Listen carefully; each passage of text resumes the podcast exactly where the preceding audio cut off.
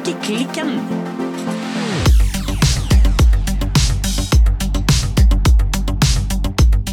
Bam, bam, bam. Trado! Hallo, Birte. Hallo, Silje. Plutselig ble vi normale. Ja. Ja, Vi gikk fra eh, Er det Star Wars? jeg vet ikke det. Jeg Nei, nei, nei! nei, liksom nei. Det, er jo, det er jo 2001 av Space Odyssey, ikke det? da? Nei, jeg husker ikke. sånt. Ikke spør meg. Nei, jeg, vet, jeg husker heller ikke. Ring inn hvis du vet. Ja.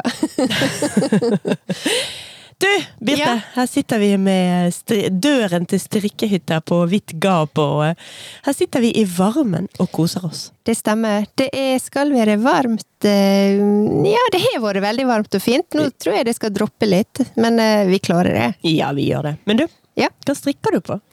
Du, Ja! nå skal jeg fortelle. Uh. Ja, jeg har med meg her en liten påbegynt prøvelapp. Oi, oi, oi, hun strikker prøvelapp! Ja, jeg har en confession. Jaha? Jeg bruker å strikke prøvelapp. Hæ? Ja.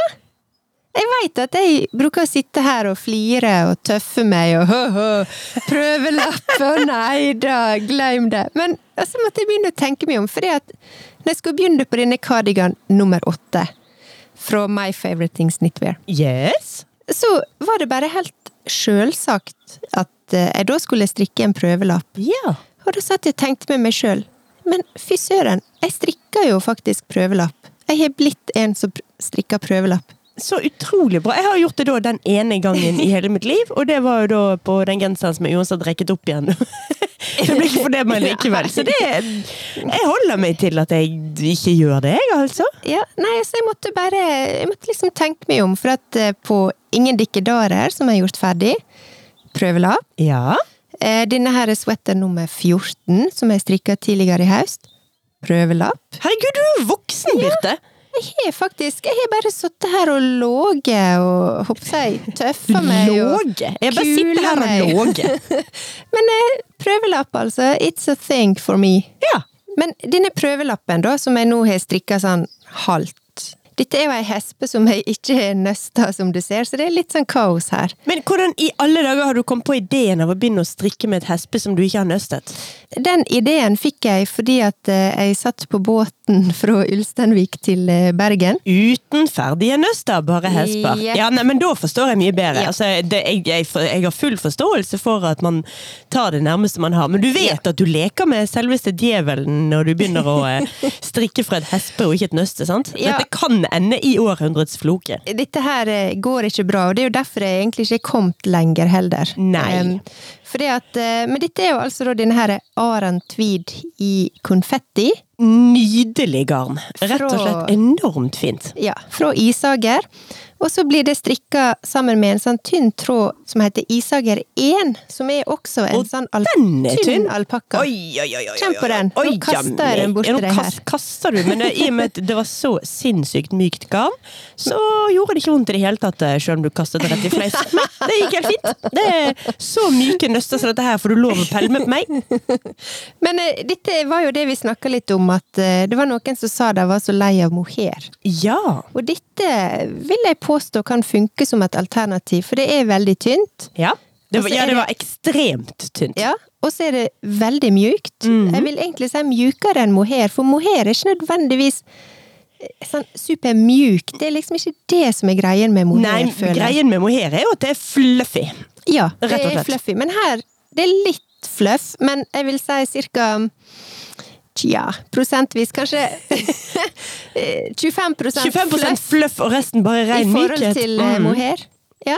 Nei, det var veldig fint sånn nå. Jeg, jeg kjenner jo når jeg ser på de to garntypene du kombinerer her For jeg lov å kjenne på det Aran. Tweed-garnet her.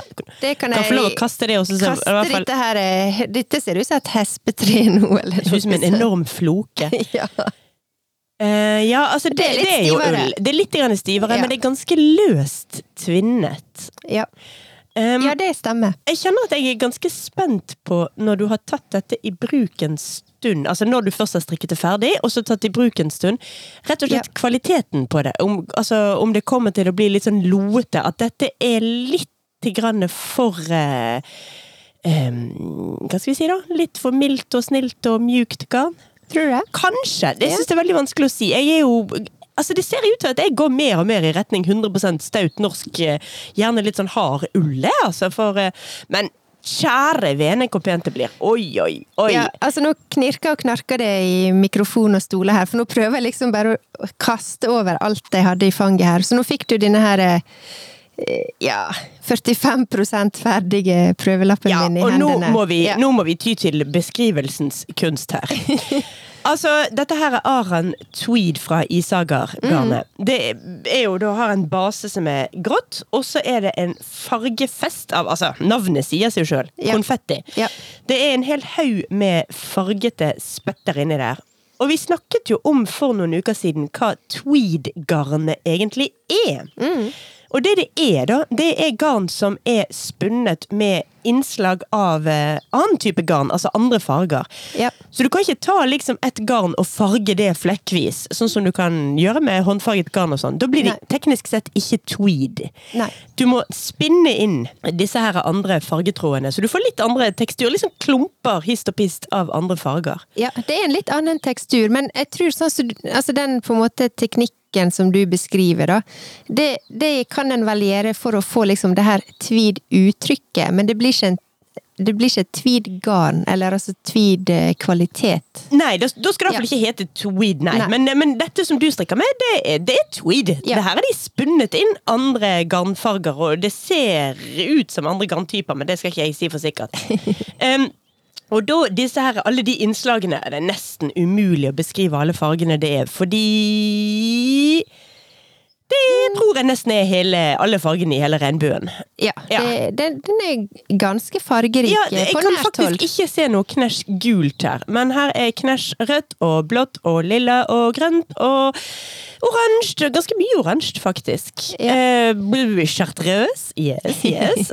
um, men jeg kan, ja, for å si det sånn, jeg finner ikke gult og heller ikke hvitt og heller ikke svart. Men utenom det, alle fargene skal med. Ja, altså hvis du ser på prøvelappen, så syns jeg den hadde, i hvert fall hittil, litt sånn lillaaktig skjær i seg. Ja, det er noe Forstår du med hva jeg mener? Jeg forstår hva du Ja. mener. Det er noe med at den gråtonen i bunn, Mm. den er heller bitte litt mot lilla. Ja. Så eh, nei, helt nydelig farge... Fargespill, fargenyanser, fargeleik med farger. Vi skal selvsagt få Birte til å ta bilde av dette og legge ut på Instagrammen vår, sånn at det går an å se det vi snakker om, og Altså- ikke bare høre på det. Ja, den er, det, nå ser det ut som ei vaskefille her, men jeg har faktisk et spørsmål til deg, Silje. Ja. Fordi at eh, nå Her begynte jo jeg bare å strikke, og det var, det var i desperasjon Ja. jeg satt på båten. Der. ja, det var en elendig idé. Ja. Eh, så det må jeg prøve å finne ut av. Men eh, her en kveld så tok jeg opp eh, chartertrusa vår. Ja, det er altså vår eh, høyt elskede garnvinde, som vi bruker eh, Som vi har altså fått donert av en lytter. Ja. Tusen millioner takk. Ja. Og den bruker vi når vi har kjøpt garn i hespeform istedenfor nøsteform. Det stemmer, men dette er faktisk første gang jeg har eh, hespa eller nøsta et hespe. Ja! Ja, så jeg syns det gikk ganske dårlig. Er det noe sånn Har du noe sånn proff eh, tips til meg. meg? da regner jeg i så fall med at det ikke var chartertrøsen som var problemet, men at det var den der eh, Og den vet jeg ikke hva heter, men vi har jo også en sånn eh, snurredings med et lite håndtak. Ja, som den som du snurrer inn på, liksom. Ja. For chartertrøsen det er jo selve den som vi fester hespen på, og der Ja. kan du jo også surre opp eh, for hånd. ja. Det trenger jeg ikke lære deg. Nei, og grunnen til at jeg ikke har brukt en sånn garnvinde før, det er jo fordi at jeg har rett og slett sl- sittet med hesper på kneet, og så har jeg liksom bare tatt det rundt og nøsta for hånd. På knærne? Ja. Å, wow! Jeg bruker spisestolene.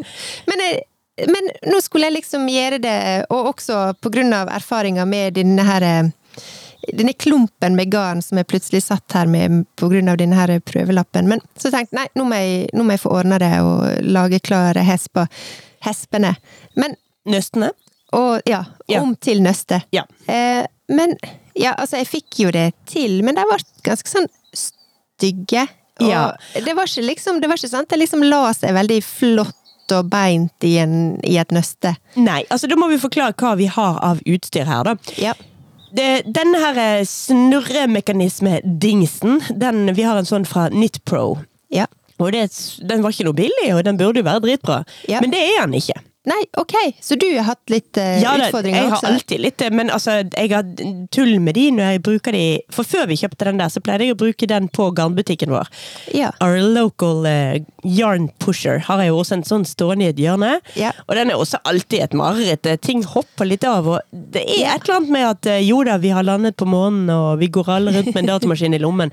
Men de der fra hespe til nøstemaskinene er ikke mer enn sånn middels ok. Ok. Men når man først faller inn i flyten, av og til så kan man virkelig treffe på at liksom Yes, yes, der tok jeg tre hesper på kort tid. Ja. Og ting går unna. Og andre ganger er det bare sånn ørk.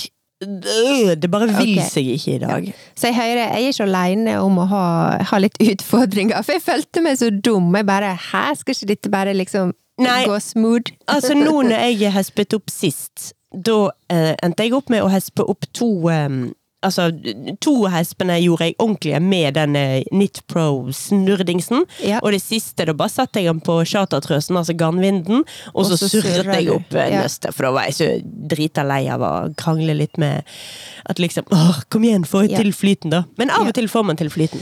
Men altså, jeg håper jo litt at øvelser øvelse gjør mester. Nå var jo dette mitt første forsøk, men jeg tenker kanskje hvis leserne, nei ikke leserne våre, lytterne våre, har Ja. noen tips, eh, nøstetips, så ta imot med glede, altså.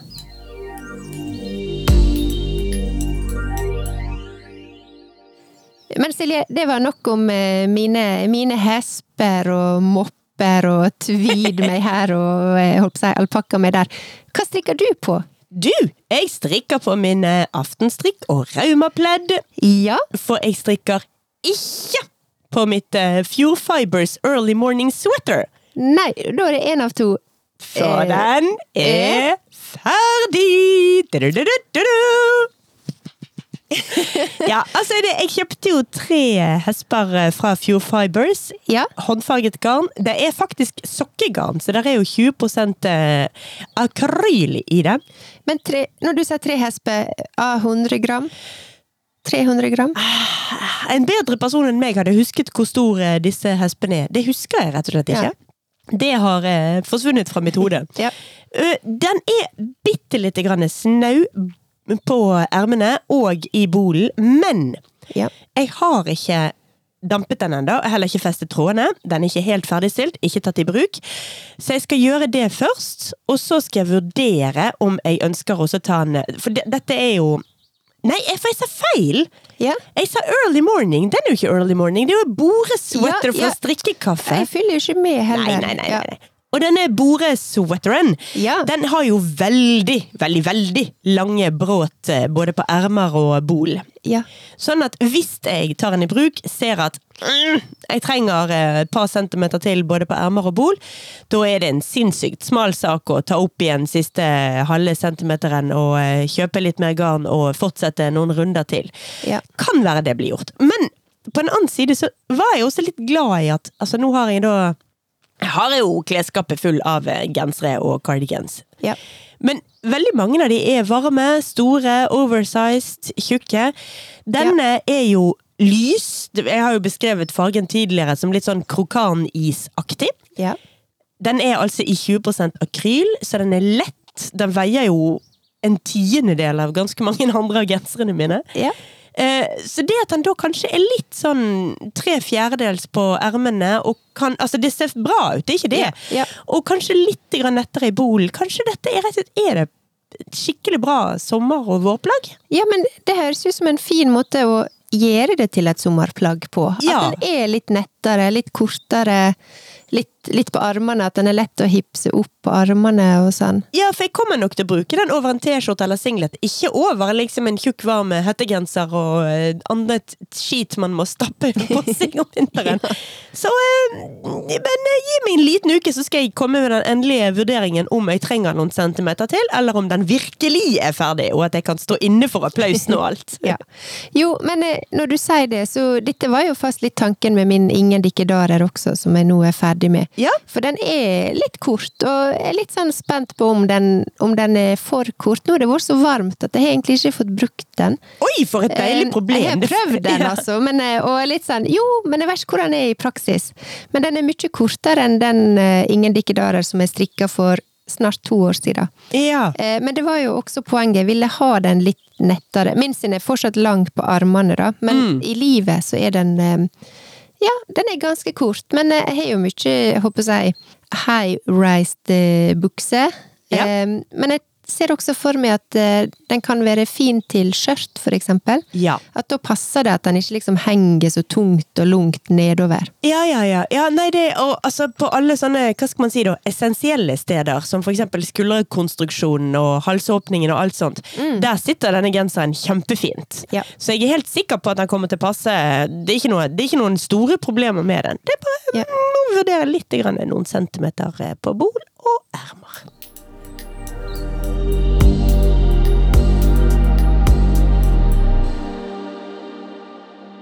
Du nevnte innledningsvis, Silje, at vi sitter her med åpen dør. Jeg lurer på om lytterne våre hører fuglekvitteret som vi sitter og hører på? Det kan godt være, altså. Det, Det var er veldig flott. Ja, nei, altså det Våren har virkelig slått an i Ytre Sandviken. Så hvis noen hører fuglekvitter, så er det ikke fordi vi har eh, fått oss kanarifugler i strikkehytta. Det er fordi at vi spiller inn med åpen dør i dag. Yes. Men det var ikke fuglekvitter eh, vi skulle snakke om nå. For det at eh, du, Silje, du har nemlig vært på seminar, Ja, og det heter Refashioning the Future. det stemmer. Ja. Her i helgen så var jeg på seminar på Tekstilindustrimuseet i eh, Salhus. Ja. Som da i fellesskap med Fakultetet for kunst, musikk og design, altså KMD, ved UiB, altså Universitetet i Bergen, Ja. de har da satt opp eh, dette endagsseminaret. Ja. Og der satt jeg eh, blant publikum. Ja. Det var enormt eh, kjekt, altså. Ja.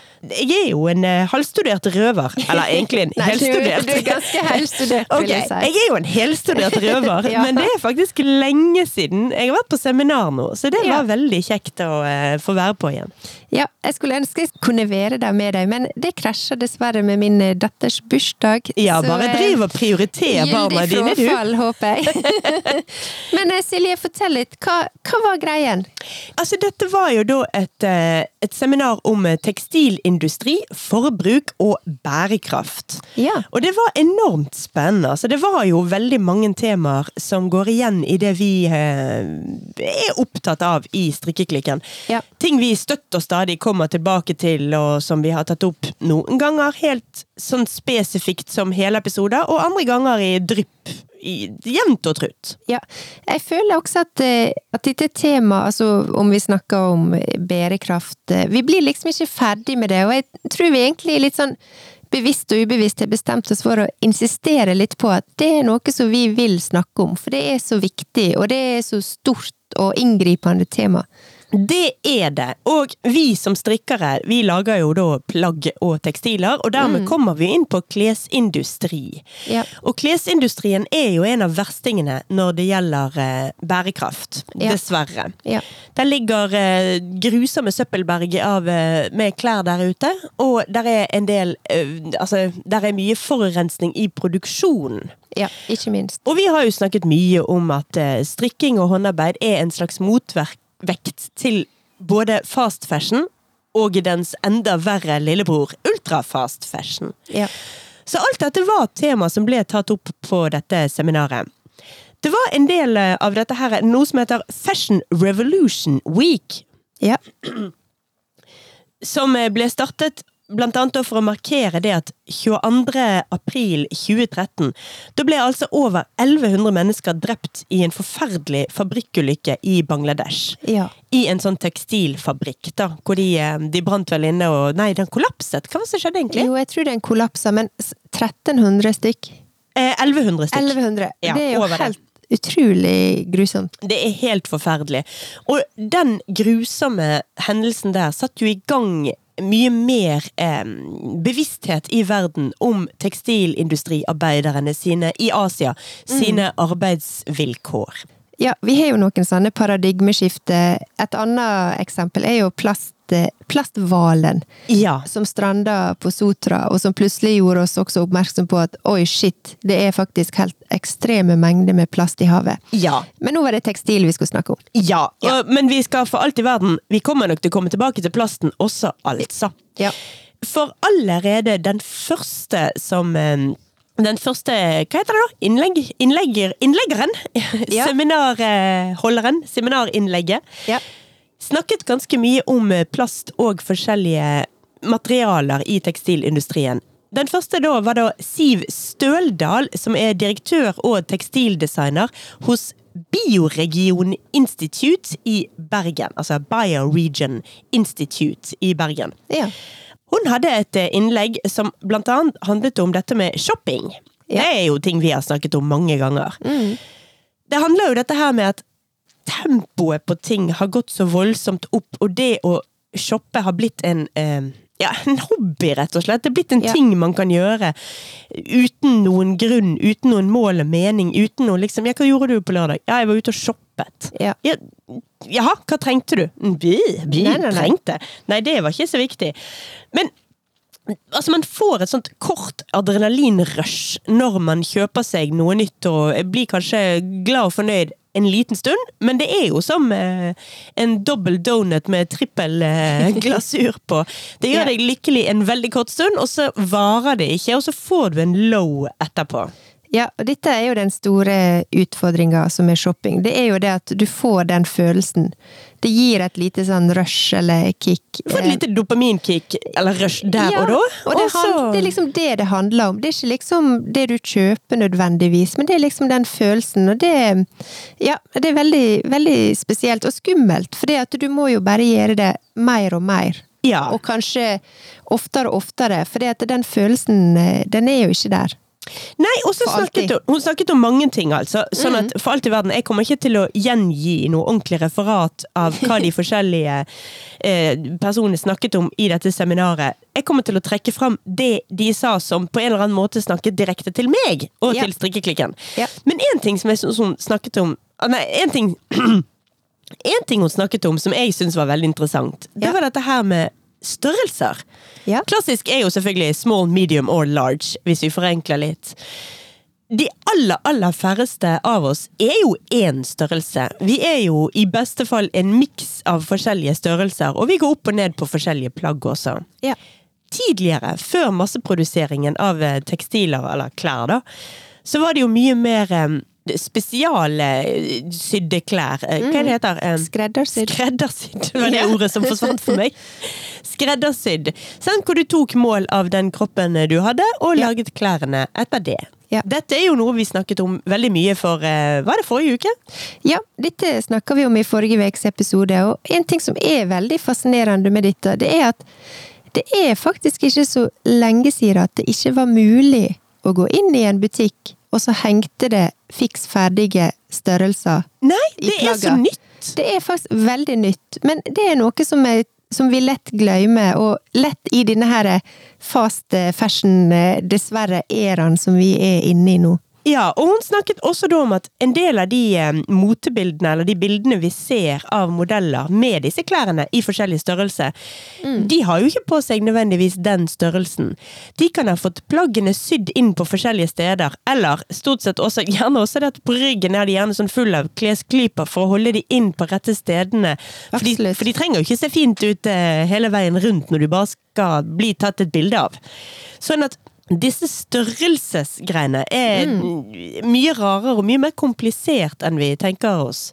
Det er det, og så må jo du lage så mange størrelser også, sant. Du har liksom fra Det er ikke bare fra ekstra small til ekstra large lenger. Altså du går jo Du kan jo fort finne liksom seks, sju, åtte størrelser av ett plagg. Ja. Og da, da blir det så mye. ja. Det blir så mye som skal produseres, og det blir så mye som eventuelt henger igjen, som ikke blir kjøpt. Og så snakket altså Siv Støldal om noe annet som jeg fant ekstremt spennende, og som jeg ikke vet noen ting om, for hun bare nevnte det, men jeg bare bare what?! Og hun snakket altså om bio... Ja, jeg må legge til at dette seminaret var på engelsk. Ja, så du er litt språkforvirret? Jeg er litt språkforvirret. Biodegradable plastic materials. Altså nedbrytbare plastmaterialer Ja. som man brukte tidligere, før man begynte med den oljebaserte plastikken. Og jeg bare Hæ? tenkte jeg. Jo, eh, galalitt Bakelit, eller Bakelite, og noe som heter Bouise Durcy, eller Dursi, eller Durki, jeg vet ikke. Yeah, ja. D-u-r-c-i. Ja. Var tre forskjellige typer med biodynamisk, altså biodegradable, bionedbrytbare plastikkmaterialer. Ja. Uh, hallo? Så Hvor kult er ikke det? Hun hadde med seg slides hvor hun viste annet telefoner og andre ting laget av disse materialene, som altså er nedbrytbare. Men så kom jo denne her superbillige oljebaserte plasten og overtok eh, markedet fullstendig på plastfronten. Ja. Men eh, det finnes, eller altså tidligere, det er altså for lenge siden funnet opp nedbrytbar plastikk. Ja, altså av og til, eller det slår meg oftere og oftere, av og til så var ting litt bedre før. Og nå, jeg skal ikke komme inn på en lang anekdote, men jeg husker for eh, ganske mange år siden så så jeg en dokumentar om elbilen. Ja. For det at når bil ble funnet opp, Ja. eller laga, så var det Elbil. Elbil. Og så kom bensinbil. Yes. Og så måtte vi bare fucke opp alt i sånn omtrent 100 år, Ja. og så gikk vi tilbake til elbil. Ja, Altså, så, ja hva, hva er det for ja, noe? så vi hadde med? nedbrytbar, plast, nedbrytbar plastikk, fant noe som var mye billigere, brukte det som var billigere, og fucka opp alt. Ja. Og nå sitter da altså folk som for eksempel da Siv Støldal og prøver å få oss tilbake igjen på andre typer materialer.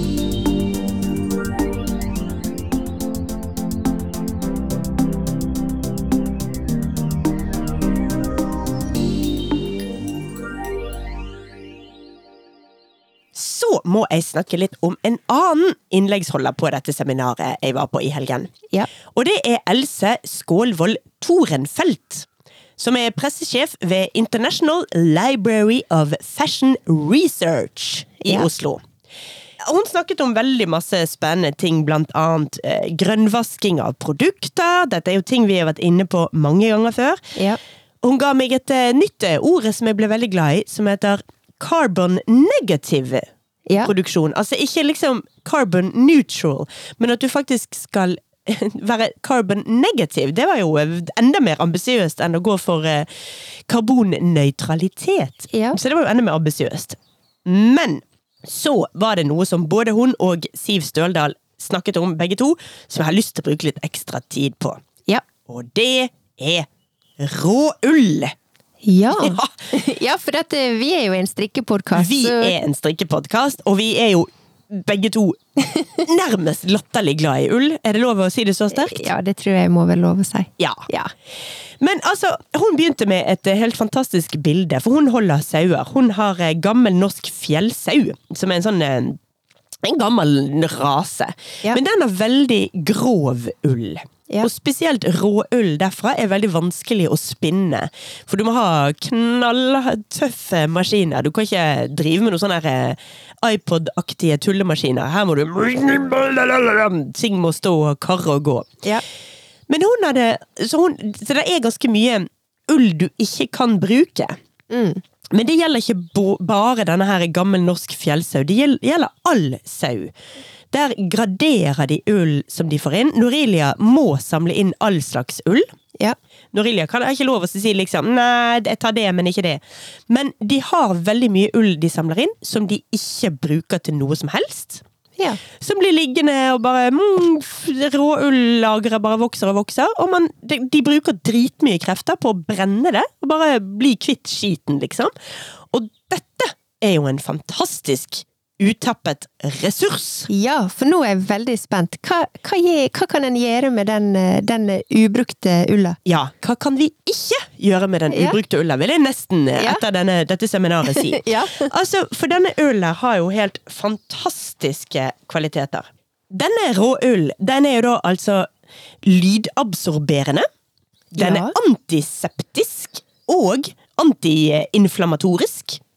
Det er et 100% komposterbart eh, materiale, altså det er nedbrytbart. I tillegg til det så tar det altså opp CO2. Ja, I know! Jeg, jeg, jeg klarte ikke å få fram et ord. Nei, altså det er det, det, Dette er ikke søppel, dette er en kjemperessurs. Ja. Else Skålvold Torenfelt hun hadde blant annet prøvd å bruke denne rå ull som dekke dekke over åkeren sin istedenfor altså Sånn som du dekker jo til gjerne en åker om vin på vinteren. Ja. Hun bor altså på Østlandet. Ja. Mye kaldere vintre. Der er du behov for å beskytte jorden. Kanskje mer enn man trenger å gjøre i eh, varmere Vestlandet, da. Ja. Lenge leve Golfstrømmen. Ja, sant? Ehm, men, ehm, men altså det, det, hun hadde et nydelig bilde hvor all denne råulen lå utover. Som sagt, 100 naturlig. Den gjødsler. Den er, altså den er bare helt purt fantastisk gull. Og i tillegg til det, hageeiere der ute. Denne ulen som du legger ut, 100 komposterbart, næringsrik jord får du ut av det. Og hør på dette, den fungerer som barriere mot brun snegl! Oi! Ja, I know! Så, og dette er ofte noe du kan faktisk ta kontakt med din lokale Norilia-produsent og spørre, eller hvis du kjenner noen med sauer. Ja. Hallo, sitter du på et eh, lager av råull du egentlig ønsker å bli kvitt? Og så kan du få tak i litt av dette her gullmaterialet. Ja, for dette høres jo virkelig ut som en ressurs som det bør eh, på en måte forskes mer på, eller gjøres mer tilgjengelig. Ja, og det, altså Man driver jo og prøver å utvikle forskjellige ting man kan bruke dette til. For eksempel lydabsorberende plater. Ja. Ja, ja for det, det slo meg, det var det første du sa, lydabsorbering. For der jo, blir jo det brukt sånne skumgummiplater, Ja, blir ikke det? ja skumgummiskit. Eller madrasser, liksom. Ja, og dette er altså bedre, renere, billigere. Altså, Ja. it's got all the potentials. Men det er altså det at Norelia opererer, eller ikke bare Norelia, men bransjen da opererer med fire grader av eh, dårlig ull. Mm. Man har vel, jeg tror det var snakk om sånn omtrent syv grader av god ull, hvor da liksom første grade er gjerne det som eh, spinnes og brukes i håndstrikking. Ja. Men så er det altså fire grader av eh, Four grades of bad wool. Det høres jo ut som en, en trill, påsketriller fra du kan kjøpe som kiosklitteratur. Ja.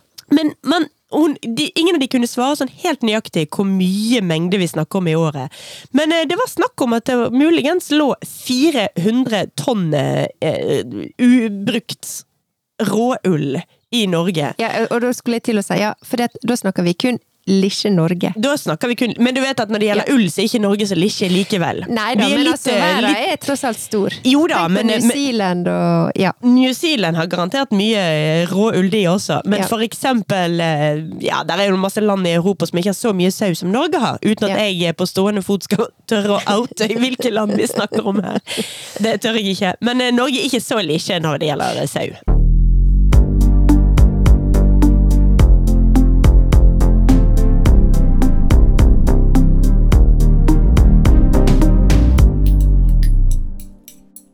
Etter innlegget til Else Skålvold Torenfelt på dette her eh, seminaret jeg var på i helgen, så Ja. spiste vi en deilig lunsj. Oi, nå ble jeg misunnelig! Ja, ja, ja, ja. Og tittet utover fjorden og mm, Altså Tekstilindustrimuseet. Yes, yes, yes.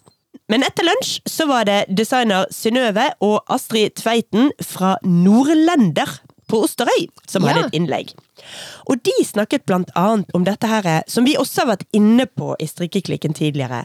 Men problemene med merkingen av eh, norsk ull. Altså Eller norske produkter i det hele tatt Ja. forvirringen rundt ting som Designed in Norway, Made in Norway, Product of Norway eh, Altså alle disse her merkene der. Og så videre også så har du problemer med sånne sånn merking som Made by Wool. Wool clothes. ja. Eh, altså, du kan ha et plagg som inneholder så lite som 20% ull, og resten er akryl eller plast eller Ja.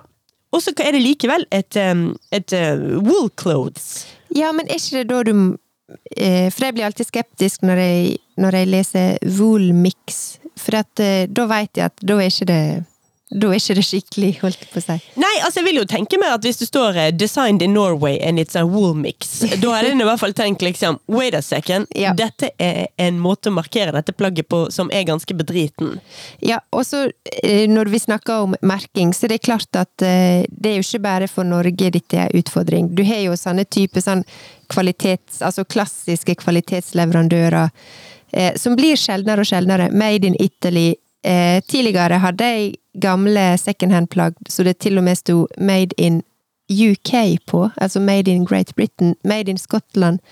Eh, I dag er det liksom Made in Portugal og Made in Italy som er liksom Det for, finnes fortsatt. Made in UK eller Jeg tror eh, aldri jeg har eid et plagg hvor det står 'Made in UK' eller 'Made, in Scotland' på. Det tror jeg kan si eh, gans... Ja ja! Yeah. Kjente etterpå at jeg skulle inn og titte på label på noen, eh, i hvert fall på en av kåpene mine. Yeah. Kanskje. Jeg har noen Jeg hadde til og med ei Hennes og Maurits-jakke som jeg kjøpte på Fretex, det er lenge siden da. Den var made in Great Britain. Holy cannoli! Så Nei, det- jeg skal inn og titte på ting. eh, merkelapper, men jeg, jeg Ja. er redd eh, der er mye Der er mye mer asiatiske land i, min, eh, i mitt klesskap enn eh, UK, altså. Ja, men altså den store utfordringa er jo det som du peker på, at eh, designed in Norway.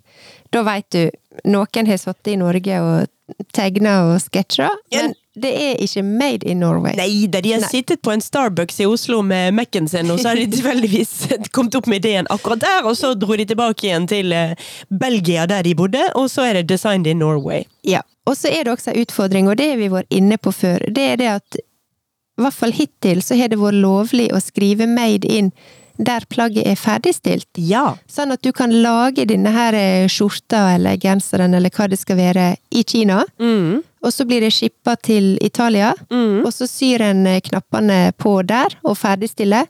Og da får du lov å skrive 'Made in Italy', sjøl om det er åpenbart 'Made in China'. Ja. Ja. Og spesielt, altså for nordlender så er jo dette et problem, fordi at eh, Astrid Tveiten der, hun er tredje generasjons eh, nordlendereier. Altså det var vel da startet av hennes, jeg tror det var bestefar. Ja. Eh, Det er drevet en Det er ikke en stor eh, fabrikk, det er en liten sak som holder til på Osterøy utenfor Bergen.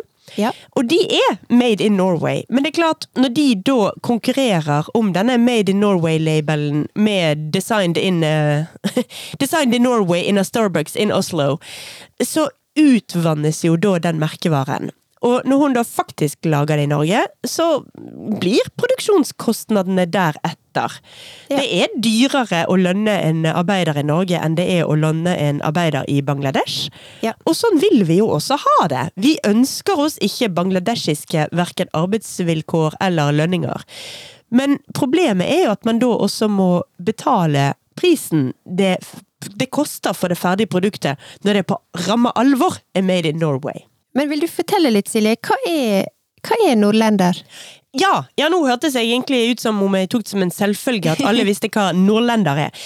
Nei, altså Nordlender er et uh, merke. De er, uh, har produsert tekstiler i Norge siden 1927. Nå Ja. altså da denne bestefaren til eh, dagens Astrid Tveiten, daglig leder i dag.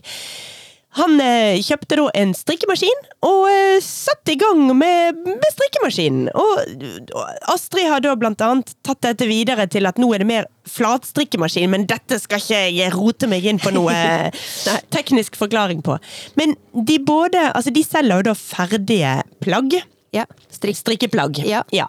Eh, og kommer ut med nye kolleksjoner eh, egentlig ganske ofte, men eh, selvfølgelig Eller altså, hva er ofte? Vi snakket om Shine som For noen uker Ja. siden snakket vi om Shine som eh, legger ut 1000 nye plagg hver dag. Det gjør de absolutt ikke. Eh, de har De hadde et aldeles nydelig bilde så de startet innledningen sin med, med da en ja, I mitt hode var det en, eh, en eldre fiskermann, men det vet jeg jo ingenting om eh, bakgrunnen for hvem denne mannen egentlig var. Men han hadde da sendt de bilde av sin 50 år gamle nordlendergenser, Ja. som eh, var altså så jækla velbrukt. Den hadde store hull på, på albuene, og en ganske så sånn skitten stripe rett over, sånn at du kunne se at han hadde gått med jakke over den i alle år. Og den ville han ha hjelp til å reparere, for den skulle han bruke videre. Og det Ja. tror jeg han hadde fått hjelp til også. Sånn at dette er kvalitetsplagg, altså. Det her er virkelig en genser du kan bruke i 50 år pluss. Ja, og jeg ser, det, for nå eh, jukser jeg litt og googler litt, så jeg Vi ser at litt, grann, eh. Ja, du kan gå inn på eh, Altså, dette er jo Nordlender er jo en tekstilfabrikk som holder til på Osterøy her utenfor Bergen. Ja, en del av den lokale, fantastisk rike og spennende tekstilindustrihistorien vi har i området rundt Bergen. Ja, og den tekstilfabrikken er faktisk eh, åpen for eh, oss eh, som bor i nærheten av Osterøy. Osterøy. -hmm. Men jeg ser også inne på nordlender.no at her er faktisk forhandlere over det ganske vidstrakte land. Ja, Så du kan gå inn der og finne forhandlere i Norge fra Finnmark i nord til Agder i sør. Ja, og de skipper også Jeg tror også nordlender er ganske stor i utlendigheten. Ja. De skipper mye til Japan og til Statene og til eh, alle de der landene i, i, i det der landet i utlandet. Ja, Men nå vil ikke vi reise dit for å, for å kikke på Nordlender. Nei, det vil vi ikke. Men det skal jo sies at i pausen så pratet jeg bitte lite grann med Astrid og spurte pent om meg og deg kunne få lov å komme på, eh, til Osterøy og få en liten omvisning og en prat med Astrid på Nordlender. Og det sa hun ja til, så vi skal på roadtrip om Ja. ikke så lenge. Er det roadtrip i emning her nå? Det er rett og slett det det er. oh, det så for alle våre lyttere som ikke holder til eh, i, i nærheten av Bergen, og som syns dette her Osterøy høres utrolig merkelig ut, så skal vi altså før eller siden hute oss ut hit og lage et, eh, en egen episode fra Nordlender.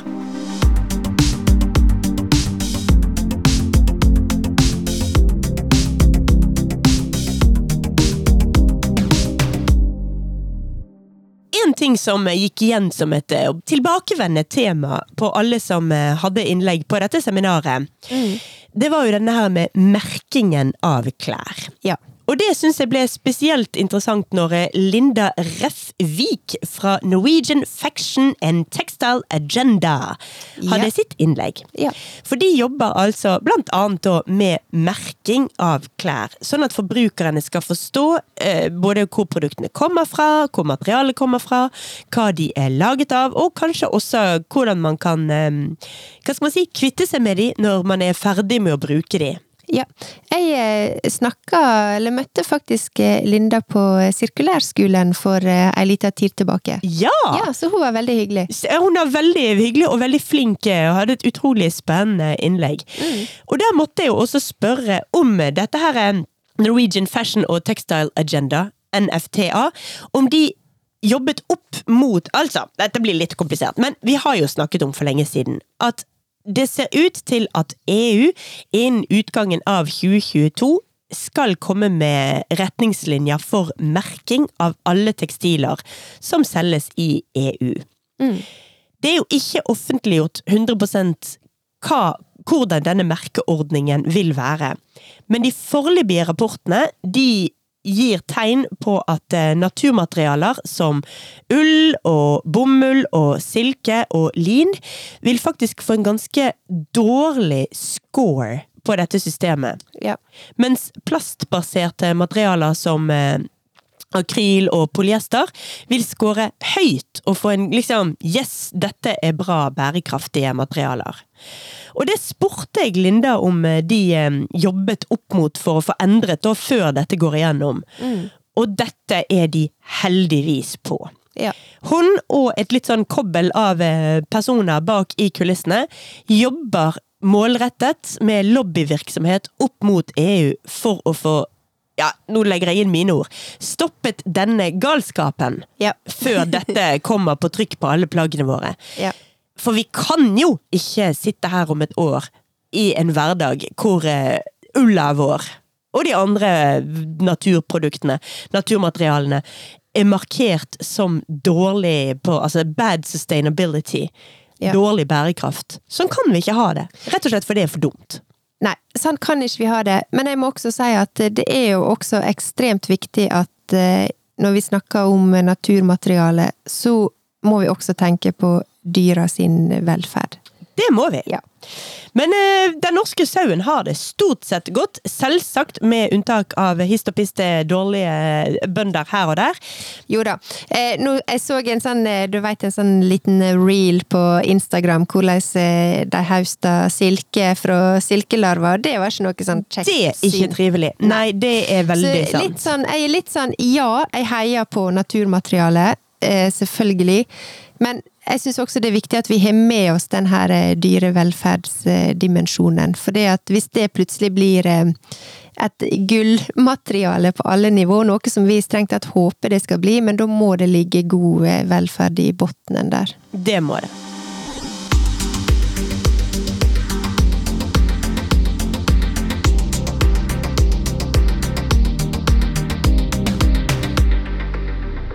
Silje, Hei.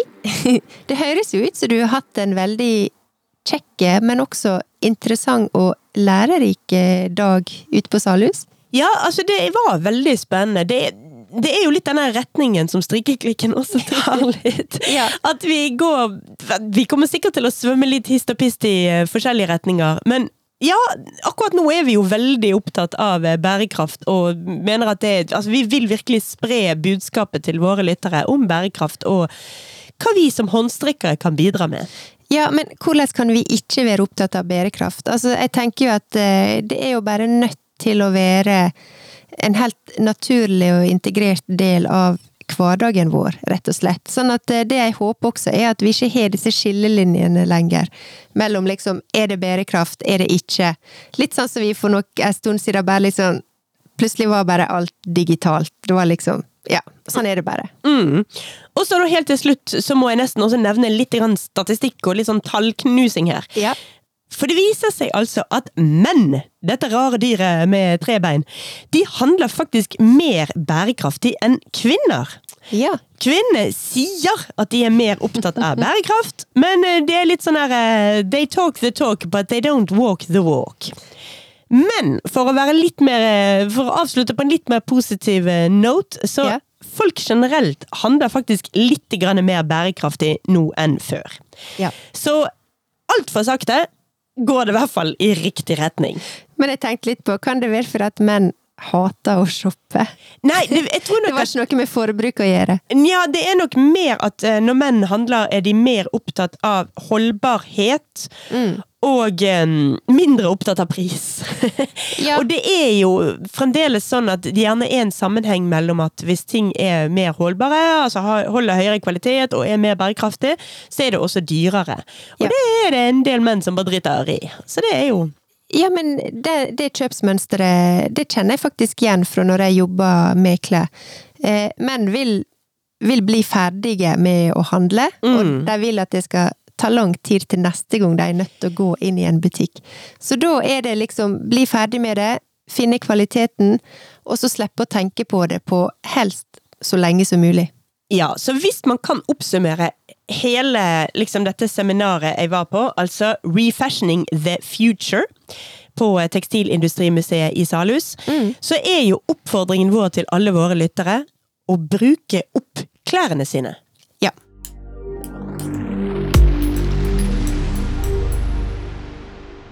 Birte, Ja. nå sitter jeg her og hører på en liten fugl uten vindu som synger at du har et tips til oss i dag. Du, jeg har et uh, bitte lite Det er ikke et strikketips, Nei? Eh, men eh, det er et lite serietips. Oh, er vi på Som TV-serie? vanlig. Ja.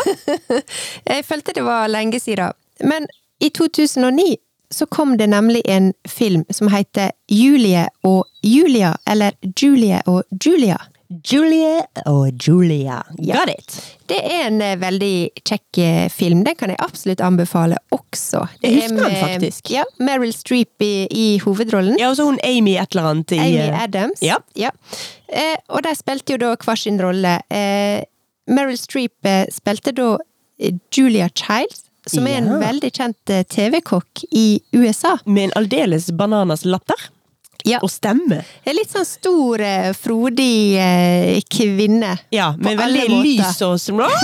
Ja. Jeg klarer ikke å etterligne Nei. stemmen, men det var gøy. Veldig elskelig, elskelig type. Eh, men denne filmen handler jo da om eh, Altså hun her er Amy Adams, eh, som da spiller Julie. Hun skal koke seg gjennom denne her eh, kokeboka som Julia Childs eh, ga ut. Stemmer det, jeg husker det. Det er en kokebok som er basert veldig på fransk cuisine. Her er det mye coq en vin og andre ting som skal koke utrolig lenge. Og mye hvitløk og vin og eh, sanselige matopplevelser. Ja, det var, det var fransk eh, kokkelering eh, som gjaldt, og det franske kjøkkenet oppdaga hun når hun reiste rundt med sin mann, som var diplomat. Og de bodde blant annet i Oslo, men de bodde også i eh, Paris eller i Frankrike i ganske mange år. Så i et her- parallelt univers så kunne hun endt opp med en koke, kokebok fra norsk mat? For eksempel, ja. Muligens. Eh, men hun ga i hvert fall ut eh, boka 'Mastering the Art of French Cooking'. Mastering the art of French cooking. Oh, oui, oui. Ja, og det ble hun veldig kjent for, så hun introduserte på en måte det franske kjøkkenet da til Amerika. Ja, Eh, for vi er ganske Vi er et stykke tilbake igjen i tiden her. Ja, og denne filmen handler jo parallelt om da Julia Child, som levde da på 50-60-tallet. Eh, og så var det hun eh, Julie E. Julie, som er da denne her eh, en blogger som bestemte seg for å koke seg gjennom denne kokeboka. Og begge, begge disse parallelle historiene fra hver sin eh, tidsalder er basert på to eh, virkelige historier. Men nå var det egentlig en TV-serie jeg skulle snakke om, og det er at det er kommet en TV-serie om Julia Childs. Eh, og den går på HBO Max nå. Og den, den er veldig kjekk. Jeg vil bare anbefale den, eh, fordi den er så god, og den er så fin å se på, og hun er ganske morsom, hun Julia Child. Hun er virkelig en karakter. Ja. Og jeg tenker, hvis du har sett filmen, så kjenner jo du litt til hun. Eh, hvis ikke du har sett filmen, så kan du se den. Det handler liksom egentlig om to forskjellige ting, selv om det handler om den samme personen. Så dette er en TV-serie som jeg har kost meg voldsomt med de siste ukene, og som jeg hadde lyst eller tenkte litt sånn Dette vil sikkert mange av mine strikkende venner også sette pris på. Så Ja. Julia på HBO. Men med det nydelige tipset ditt der på tampen, frøken Birtemor, Ja. så tror jeg faktisk vi er nødt til å runde av ukens episode. Ja. Det må vi. Og da gjenstår det bare for oss å si ha det på badet. Ha det i sola!